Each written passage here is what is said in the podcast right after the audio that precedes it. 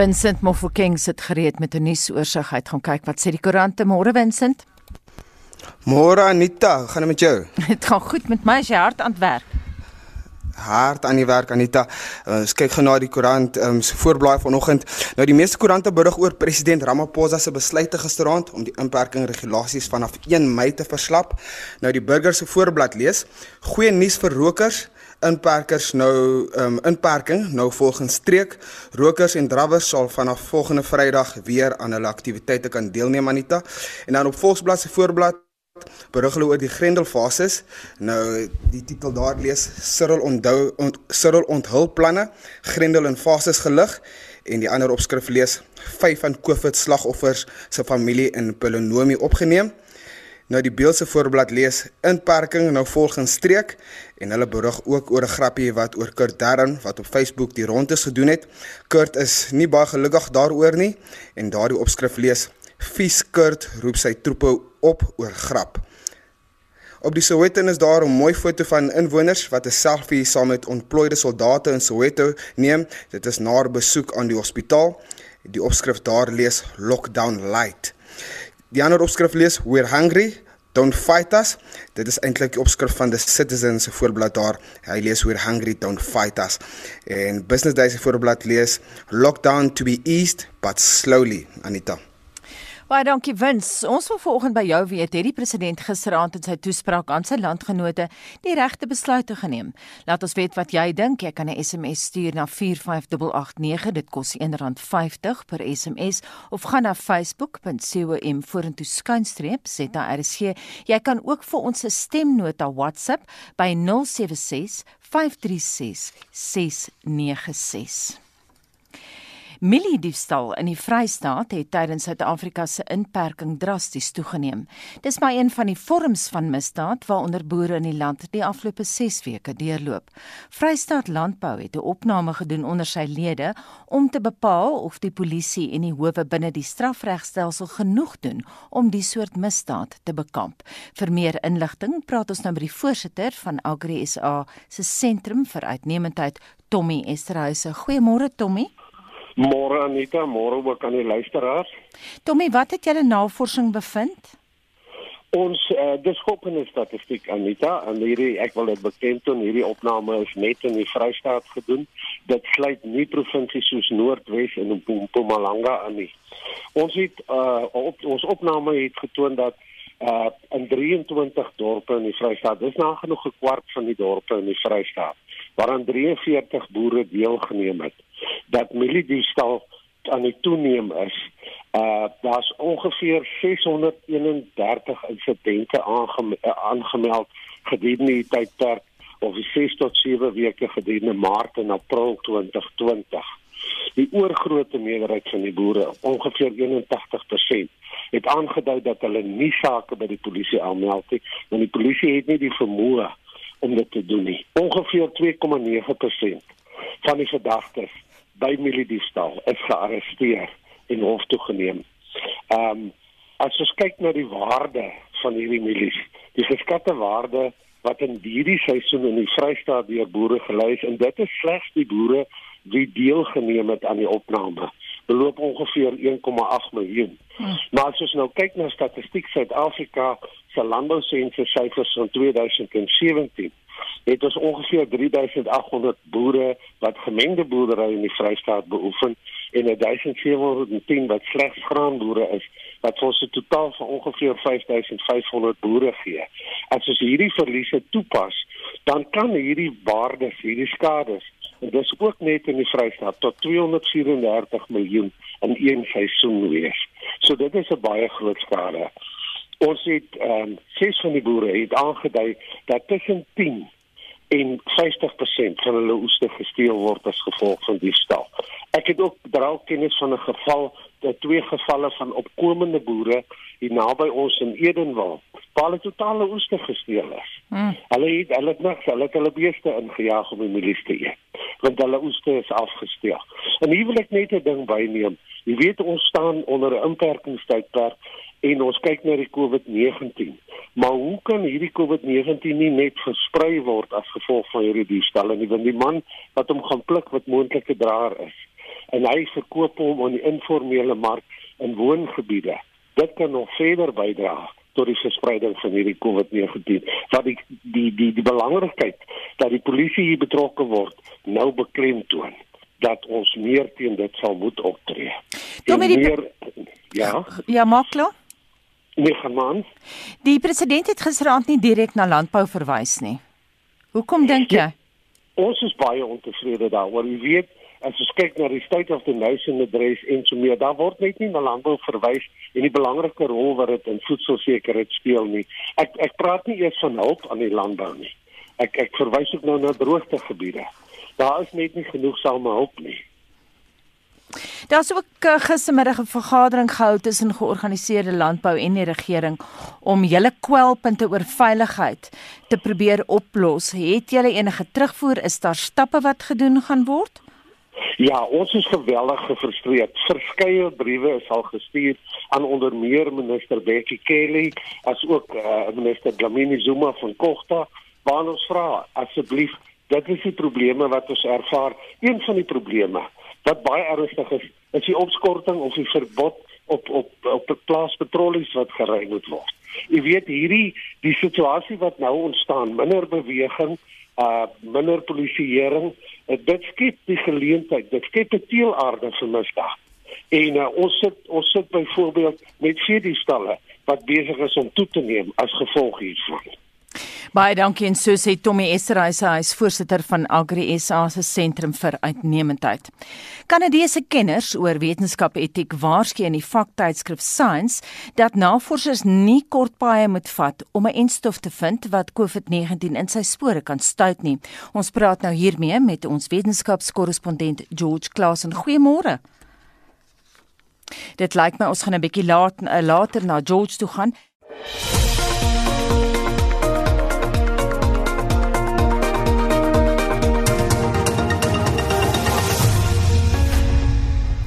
Die verdedigingsontleder Helmut Römer Heitmann sê die buitengewone ontplooiing van die hele weermag om die inperkingsmaatreëls toe te pas is 'n goeie plan.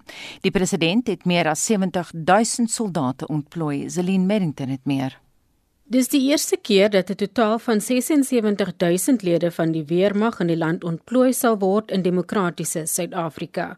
Dit sluit in gewone soldate, reserviste en vrywilligers. Dit beteken alle eenhede van die weermag of dit tegnies of mediese eenhede is, sal op bystand wees sou dit nodig wees. 'n Verdedigingsontleder Helmut Heitmann sê dit beteken nie die ontplooiing sal onmiddellik wees nie. What we're looking at here is a bit of contingency planning. So if the situation gets bad anywhere in the country, the defense force can very quickly deploy elements to deal with it. Be it now looting or be it the need to uh, quarantine a lot of people and provide them with food and water by stepping up patrols, etc. So it can be done quickly without having to, to jump through the administrative hoops. So it's a contingency plan. I don't think it's an immediate deployment. As, a, as contingency planning, I think it's a wise thing to do because it it'll allow a very prompt and very flexible response as the situation develops. President Cyril Ramaphosa is grondwetlik verplig om die parlement in te lig van die ontplooiing van die weermag. In sy jongste brief kondig hy 'n addisionele ontplooiing van meer as 73000 aan. In totaal is die ontplooiing gedurende die inperkingsperiode dig by 76000 teen 'n koste van 4,5 miljoen rand. Die minister van verdediging, Nosiviwe Mapisa Ngakula, sê om die hele militêre personeel te ontplooi sal geregverdig wees as die COVID-19 epidemie sy piek bereik. In South Africa here, we are aware of the capacity we have in our mortuaries and we believe in South Africa too like all other countries we may see an escalation of the death rate as the uh, exponential curve uh, goes up, which we are likely to see around August and September. And once that happens, we may people may lose lives. And in the, the event of people losing their lives, the defense will be, force will be expected to come in, remove the bodies, and bury the bodies. We have prepared for whatever eventuality which may arise Die doel van die ontplooiing van die weermag is om die polisie te ondersteun om inperkingsregulasies af te dwing, as ook om hulp te verleen aan enige staatsdepartement soos hulle benodig word. Heitman sê hy dink nie Suid-Afrikaners hoef bekommerd te wees dat die groot ontplooiing tot misbruik en wangedrag sal lei nie. I don't think particularly concerned. There clearly have been some because every organization's got a bad apple. And even sometimes a, good guy will lose control if he gets, gets provoked badly enough. I've seen some clips that are clearly out of line that, that warrant prosecution. I think the forcing people to do PT, for instance, may not be legal, but it's probably a practical option. The, the only alternative is to, for them to pay the fine, which they probably can't afford, or to go to jail for six months, which is, you know, who, who wants to go to jail and you want to clutter up the entire system. So I wouldn't consider that brutality. But brutality, there will always be incidents. Some that look unjustified but may be justified. The people, the troop soldier may have been attacked. Some prov- respond to provocation that they shouldn't. And some, of course, yeah, there will be bad apples. There will be the odd thug in uniform. But I think most soldiers are ordinary human beings like you and me and will behave themselves properly. Minister Mapisa Ngakula sê sy sal die eerste een wees om wangedrag te veroordeel, maar het ook gesê daar is mense wat soldate in 'n swak lig wil stel. Out there you equally do have what I would term really provocateurs.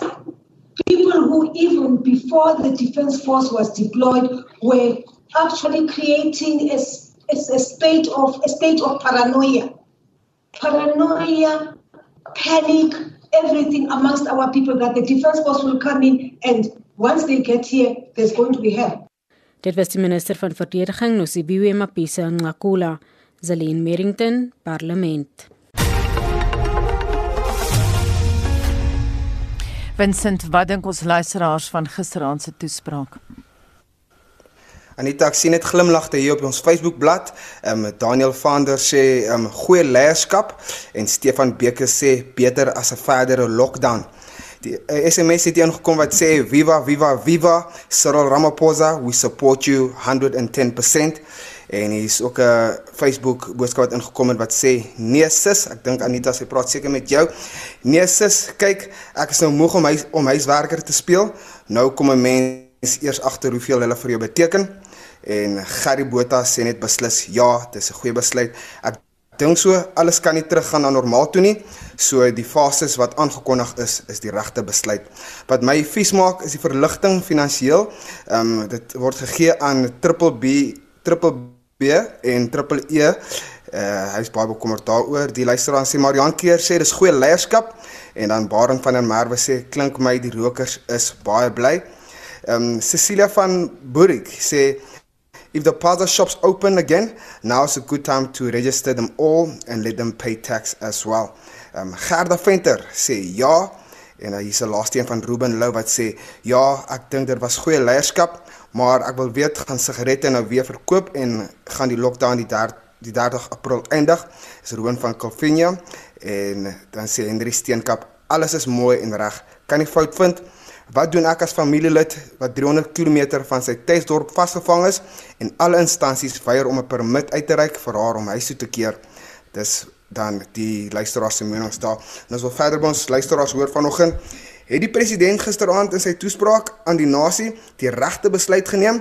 Hulle kan 'n SMS stuur na 45889 teen R1.50 per SMS of gesels saam op facebook.com vorentoe skynstreep ZRSG. Jy sal ons blad daar vind en jy kan ook 'n stemnota na 076 536 6961 stuur. Onthou, hou hom so 30 sekondes lank.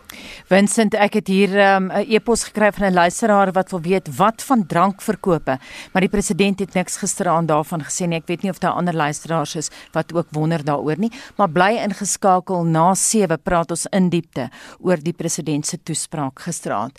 6:36 tyd om na die sportveld toe te gaan. Hier is Shaun Jooste. Ons begin met rugby nuus. Rugby Australië se uitvoerende hoof, Eileen Castle, het haar bedanking ingehandig nadat sy die vertroue van die raad verloor het. Die 48-jarige Castle het 3 jaar in die pos gedien, maar moes krisis na krisis in haar heerskappy hanteer. Rugby Australië het byna 150 miljoen rand in 2019 verloor en kan nog verder in die moeilikheid beland weens die koronaviruspandemie wat wêreldsport lam lê. In Castle se tyd in beheer is Israel Folau afgedank en is 'n skikking van miljoene betaal. Die Australiese Super Rugby spanne sukkel en die ondergang van 'n winsgewende uitsaai ooreenkoms plaas 'n donker wolk oor die sport se toekoms. Atletiek nuus. Organiseerders van die Diamant Liga reeks het nog twee byeenkomste uitgestel. Die Amerikaanse been in Eugene en die Franse been in Parys wat op 7 en 13 Junie onderskeidelik sou plaasvind, sal nou op 'n latere stadium geherskeduleer word. Die volgende been op die Diamantliga kalender is die been in Londen in Engeland op die 4de Julie. Laastens in sokkernuus. UEFA die vroue Europese kampioenskappe met 1 jaar uitgestel. Die kampioenskappe sou in 2021 plaasvind, maar is nou vir 6 tot 31 Julie 2022 steeds in Engeland geskeduleer. Die skuif is gemaak om 'n botsing tussen die mans en vroue toernooie te vermy. Die vroue kampioenskappe sal wel nie meer met die Olimpiese spele in Tokio bots nie, maar nou wel met die Statebond spele wat op 27 Julie 2022 in Birmingham begin. En die Duitse sokkerliga kan so vroeg as volgende maand hervat word. Die Duitse gesondheidsminister Jens Spahn het ingestem dat die Bundesliga teen 9 Mei hervat kan word, mits dit agter geslote deure plaasvind. Klubs soos Bayern München oefen reeds van dese week om gereed te wees. München is ook die voorlopers op die punteleer en het 'n voorsprong van 4 punte oor Borussia Dortmund met nog 9 wedstryde wat oorbly. Shaun Schuster, SAK Sport.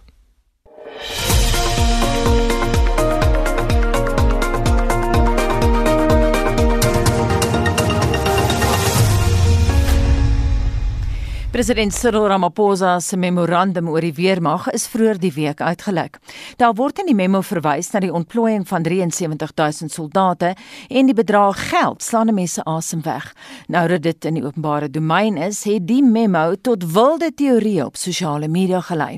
Professor Abel Estreise van die Universiteit Stellenbosch se fakulteit Kragskunde sê lede van die publiek kontak homselfs om uit te vind of ons 'n staatsgreep te wag te kan wees. Ons praat dan nou ook ver oggend met hom. Goeiemôre Abel. Goeiemôre. Abel, wat vra die mense jou? Ja, daar's nog 'n interessante vraag in e-posse wat 'n mens kry. Daar's baie samesweringsteorieë, conspiracy theories in omloop uh wat verband hou met die presidensiële memorandum en die ontplooiing van die weermag. Um meeste vrae is oor die getal soldate wat ontplooi is natuurlik en die uh hoeveelheid geld wat beskikbaar gestel word en natuurlik die vraag rondom die gevaar na staatsgreep en ander ander vergrype wat daaruit kan voortvloei. Nou president Ramaphosa het gisterand geen kommentaar gelewer oor die gissinge nie. Hy het net verwys na 'n ekstra 73000 in die veld. Dink jy dis 'n gemiste geleentheid? Hy kon ons meer ingelig het. Ja, dit is my baie interessant dat die wat die president nie sê nie. Kom ons wees eerlik, die C19 krisis 'n krisis het al die kenmerke van 'n tipiese nasionale veiligheidskrisis. Dit is sosiaal van aard, dis ekonomies van aard, daar's 'n soeke na tegnologie. En tog is dit vir my asof die president al doelbewus wegstuur van die veiligheidsdimensie af. Ek luister na die minister se opmerking teenoor die portefeulje komitee van verdediging byvoorbeeld En ek vra myself die vraag af, hoekom kan hulle nie meer eksplisiet dit wat sy in die portefeulje komitee van verdediging sê aan die algemene publiek kommunikeer nie? Ehm um, en en die gevolg daarvan is geweldige spekulasie. En baie geld hier ter sprake. Ja, dis baie geld, maar ek dink 'n mens moet dit ook ehm um, kontekstualiseer. Ehm um, die die weermag moet homself voorberei vir verskillende uh, scenario's wat mag uitspeel. En ons moet eenvoudig uh, eerlik met mekaar wees. Die weermag uit 'n begrotingsoogpunt is die afgelope aantal jare baie afgeskeep. Ehm um, in vergelyking byvoorbeeld met die polisie, so daar is geen reserves in die weermag vir ontplooi nie uh vir ontplooiing nie. En as ek as ek na reserves verwys, dan verwys ek hier na die feit dat die weermag se voorrade is uitgeput, uitgeput. Dit sny tot op die vlak van die beskikbaarheid van uniforms, van stewels, van droë droë uh, rantsoene, daardie tipe van goed. Die weermag het niks in hulle store nie. Hulle hulle die, die begrotingstekorte van die afgelope aantal jare het die weermag se reserves uitgeput. Ons het nou vroeër gehoor wat Helmut Romer Heitman te sê gehad het hy's nou van Jane's Defence Weekly en hy dink die ontplooiing is 'n goeie ding, hierdie ekstra mense wat in die veld uh, gestoot gaan word. Hoe voel jy daaroor? Wel, eh, ek dink 'n mens moet dit kontekstualiseer. Wat die president hier gedoen het, is die president moet ingeval ingevolge die grondwet en die verdedigingswet ehm um, aan die parlement verslag doen oor die die ontplooiing van die weermag.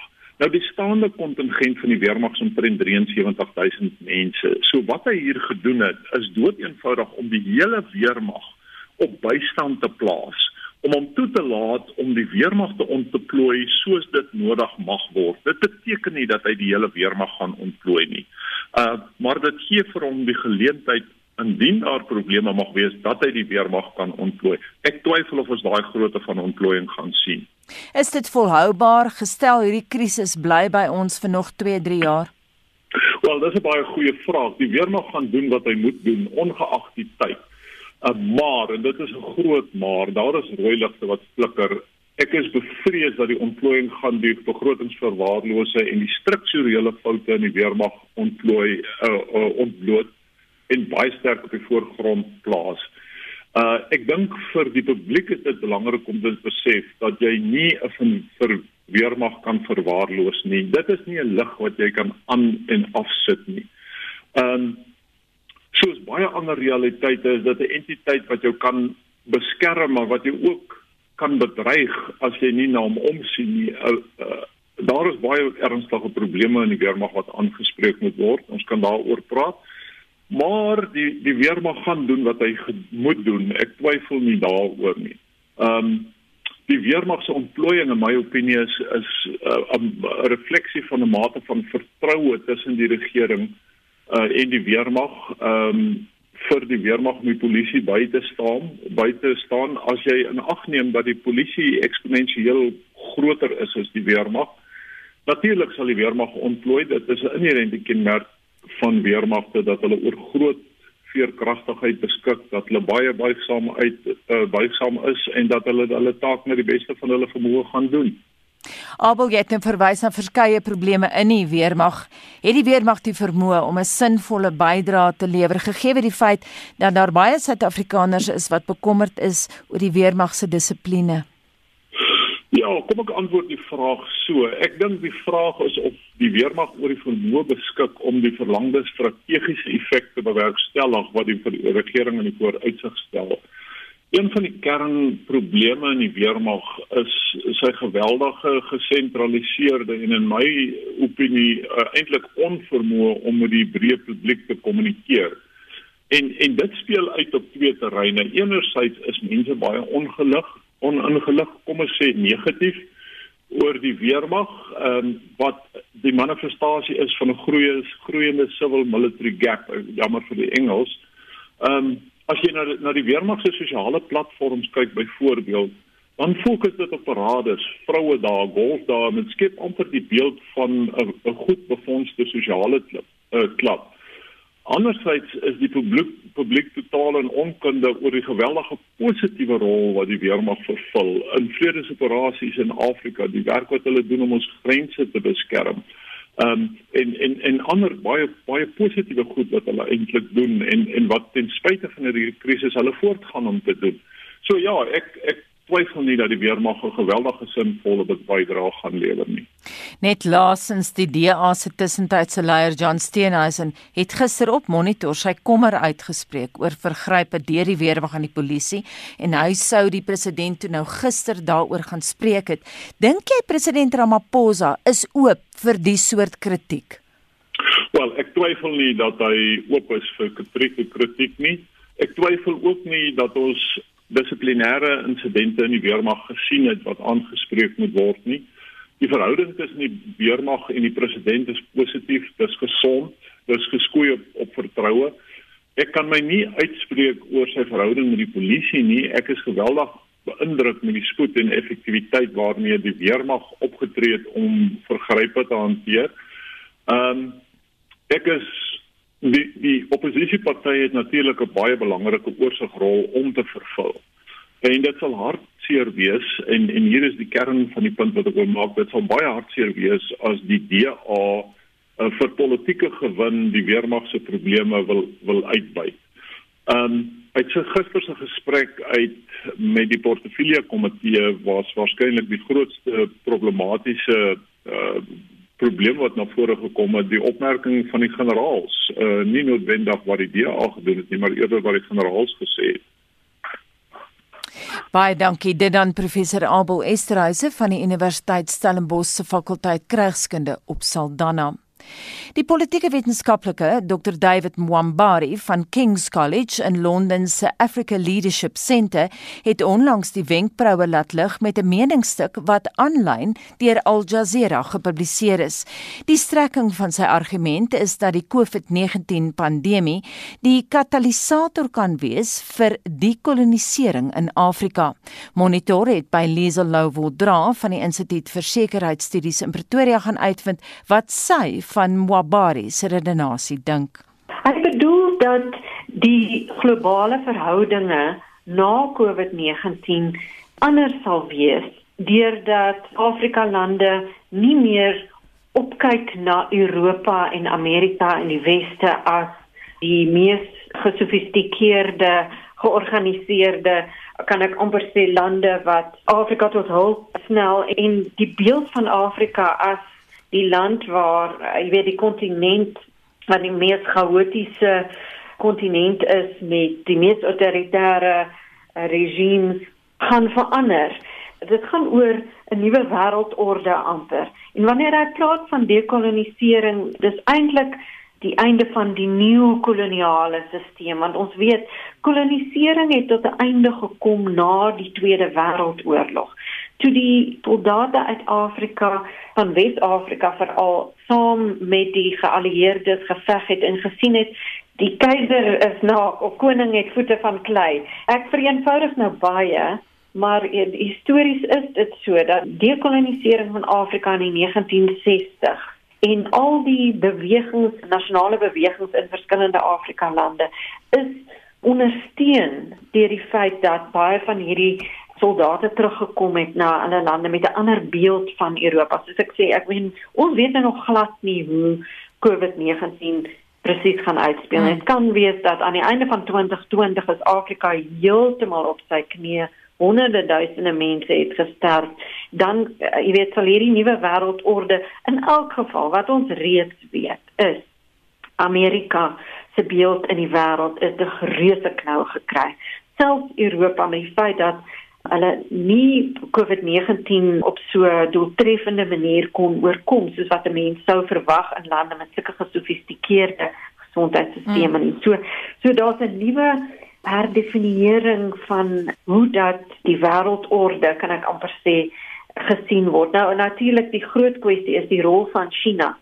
China se uh, verhoudinge met Afrika wat baie Afrika intellektuele op die oomblik eh, besig is om te skryf en van my kollegas by die ESS en so aan ook. En dit gaan baie interessant wees om te sien hoe dat hierdie nuwe post-COVID wêreld gaan lyk. Liesel, Dr Mwabari skryf ook dat die pandemie Afrika 'n kans gee om sy staal te wys en ons ekonomie te herstruktureer. Hy sê die tyd is ook nou byvoorbeeld om die Afrika Vrye Handelsooreenkoms te implementeer. Wat is jou mening daaroor? Dit is absoluut waar en ek het onlangs in die Mail and Guardian geskryf oor die feit dat ons definitief moet kyk na die post-COVID era as 'n meer menslike die klem op meer menslikheid kan ek amper sê.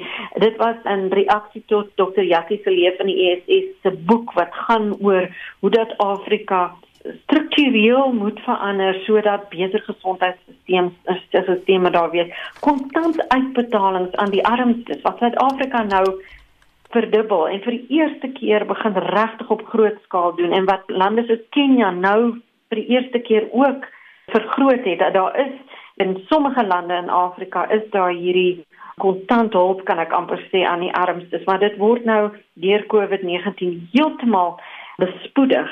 Die kwessie van die waardeketings en die kontinentale vryhandelsooreenkomste is absoluut waar en op 'n praktiese vlak sien Afrika lande nou dat die globale handel is nou heeltemal gestaak en die waardeketings is onderbreek en daarom net weens praktiese redes moet streke in Afrika en die kontinent self op kontinentale vlak saamwerk. En ons het dit gesien.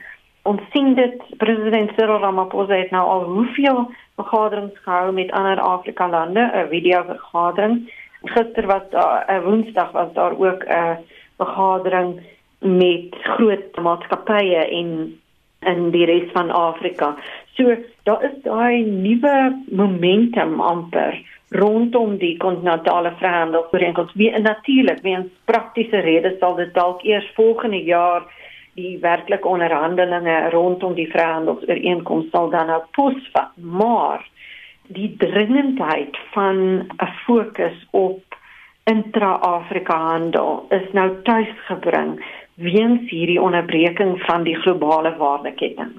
Lisa, ons weet nog nie soos jy sê hoe Afrika op langtermyn COVID-19 gaan hanteer nie en gaan bestuur nie. Maar is die kontinent besig om magte te mobiliseer en te kyk na moontlike opsies vir die toekoms? Ja, wanneer dit gaan oor die gesondheidskrisis, is daar werklik in die Afrika Unie momentum daar is heelwat vlugte wat nou reeds uit Addis Ababa verlaat het saam met die VN skenkings van China en so aan om arm Afrika lande te help om gereed te maak. Dit is glad nie genoeg nie en ons het geen idee op watter vlak die pandemie werklik Afrika gaan beïnvloed nie, maar ons is baie krities teenoor die Afrika en die ek self en dit is regtig skreiend dat daar geen optrede is teenoor begrype van menseregte en so aan nie, maar 'n mens moet regverdig wees en sê in hierdie instansie het die Afrika Unie werklik speel sy rol om die COVID-19 pandemie responses ek skies ek nou nie Afrikaans woord nie te te koördineer wat Afrika lande doen. Ongelukkig in hierdie stadium sien ons wanneer dit kom by COVID-19 disproporsioneel noodtoestande wat afgekondig word en weermagte in die strate en vryheid van spraak wat opgehef word en joernaliste in die tronk en so aan. En ongelukkig in hierdie stadium is die reaksie van Afrika regerings en die mees autoritaire Afrika regerings dat hulle eerder soldate in die strate instuur 'n noodtoestand afkondig sogenaamd om te stry teen uh, COVID-19, maar dit is proporsioneel teenoor wat hulle werklik doen. As hulle so baie energie insit in hospitale bou en personeel oplei en so aan sou dit beter wees as om joernaliste nou in die tronk te sit. Maar goed wanneer dit kom by die Afrika Unie self is daar werklik 'n baie groot poging wat aangewend word om te sorg dat Afrika lande reg is wanneer die pandemie nou werklik Afrika lande erg gaan tref. En so sê Lisa Louwel-Dra van die Instituut vir Sekuriteitsstudies in Pretoria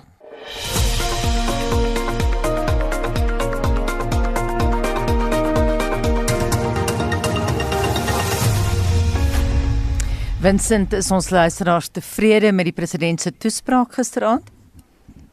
O ja, baie tevrede. Ehm um, jy weet die inperking word nou 'n bietjie verslap, maar hier's 'n ouer hierso wat baie wat wil weet wanneer maak die skole oop. Wil net weet wanneer maak die skole weer oop. Ek is ook gisterand. Ek is in Durban op die oomblik by my dogter en ek bly eintlik by 'n ou sentrum in Kruinhof, Elandsfontein en my krag is 10 teen 1 teen die tyd al af. So daar gaan ek dalk skade kry. Hoe gaan ek by die huis kom? Dit is vir my bietjie erg. Dit is Jan wat praat hier vanaf Lichtenburg, hier in verre Noordwes Transvaal. Ek stem saam met die president. Hy kon dit seker nie beter gedoen het nie. Ek sou dit nie kon doen nie. So kom ons gee hom die eer. Hy doen goed. Dan is daar ander sake wat belangrijk. Wat van begrafenisondernemers? Hulle is die mense wat hy ja, geniet moet gaan haal by die hospitaal om was om aantrek en alles. Hulle is ook blootgestel. Dink bietjie aan die begrafenisondernemers ook. Deur sigaret verkoop op te hef. Bevorder jy TB. As TB bevorder word, is dit meer vatbaar vir coronavirus. President se besluit was nie goed om die verkope van sigaret op te hef nie. Paula Westcott sê julle waarskynlik sou egter wou sien dat byvoorbeeld die Noord-Kaap onder fase 3 sou wees. Slegs 16 infeksies is vir al 2 tot 3 weke. Hoekom moet 'n provinsie soos Noord-Kaap gemeet word teenoor Gauteng, die Wes-Kaap en so voort wat by verre die probleemareas is? En dan Anita um, Karla Botha sê ja, hy doen die beste wat hy kan doen met wat hy het. Mense sal aanhou kla, maak nie saak wat wat die president besluit of nie besluit nie. So luisteraars kan vir ons sê eh, wat dink hulle oor die president se toespraak aan die nasie gisteraand, het die president die regte besluit geneem. Hulle moet 'n SMS na 45889 teen R1.50 per SMS stuur of gesels saam op facebook.com vorentoe skynstreep ZARSG en 'n stemnota na 076 536 6961 en hulle moet daai stemnota so 30 sekondes hou. Um, Anita Ja, wens bly ingeskakel sê ek nou vir die luisteraars want net hierna ontleed ons in diepte gisteraand se toespraak deur president Cyril Ramaphosa en ons vra ook die vrae wat jy waarskynlik van hulle sou wou hoor. Dit bring ons by 7:00.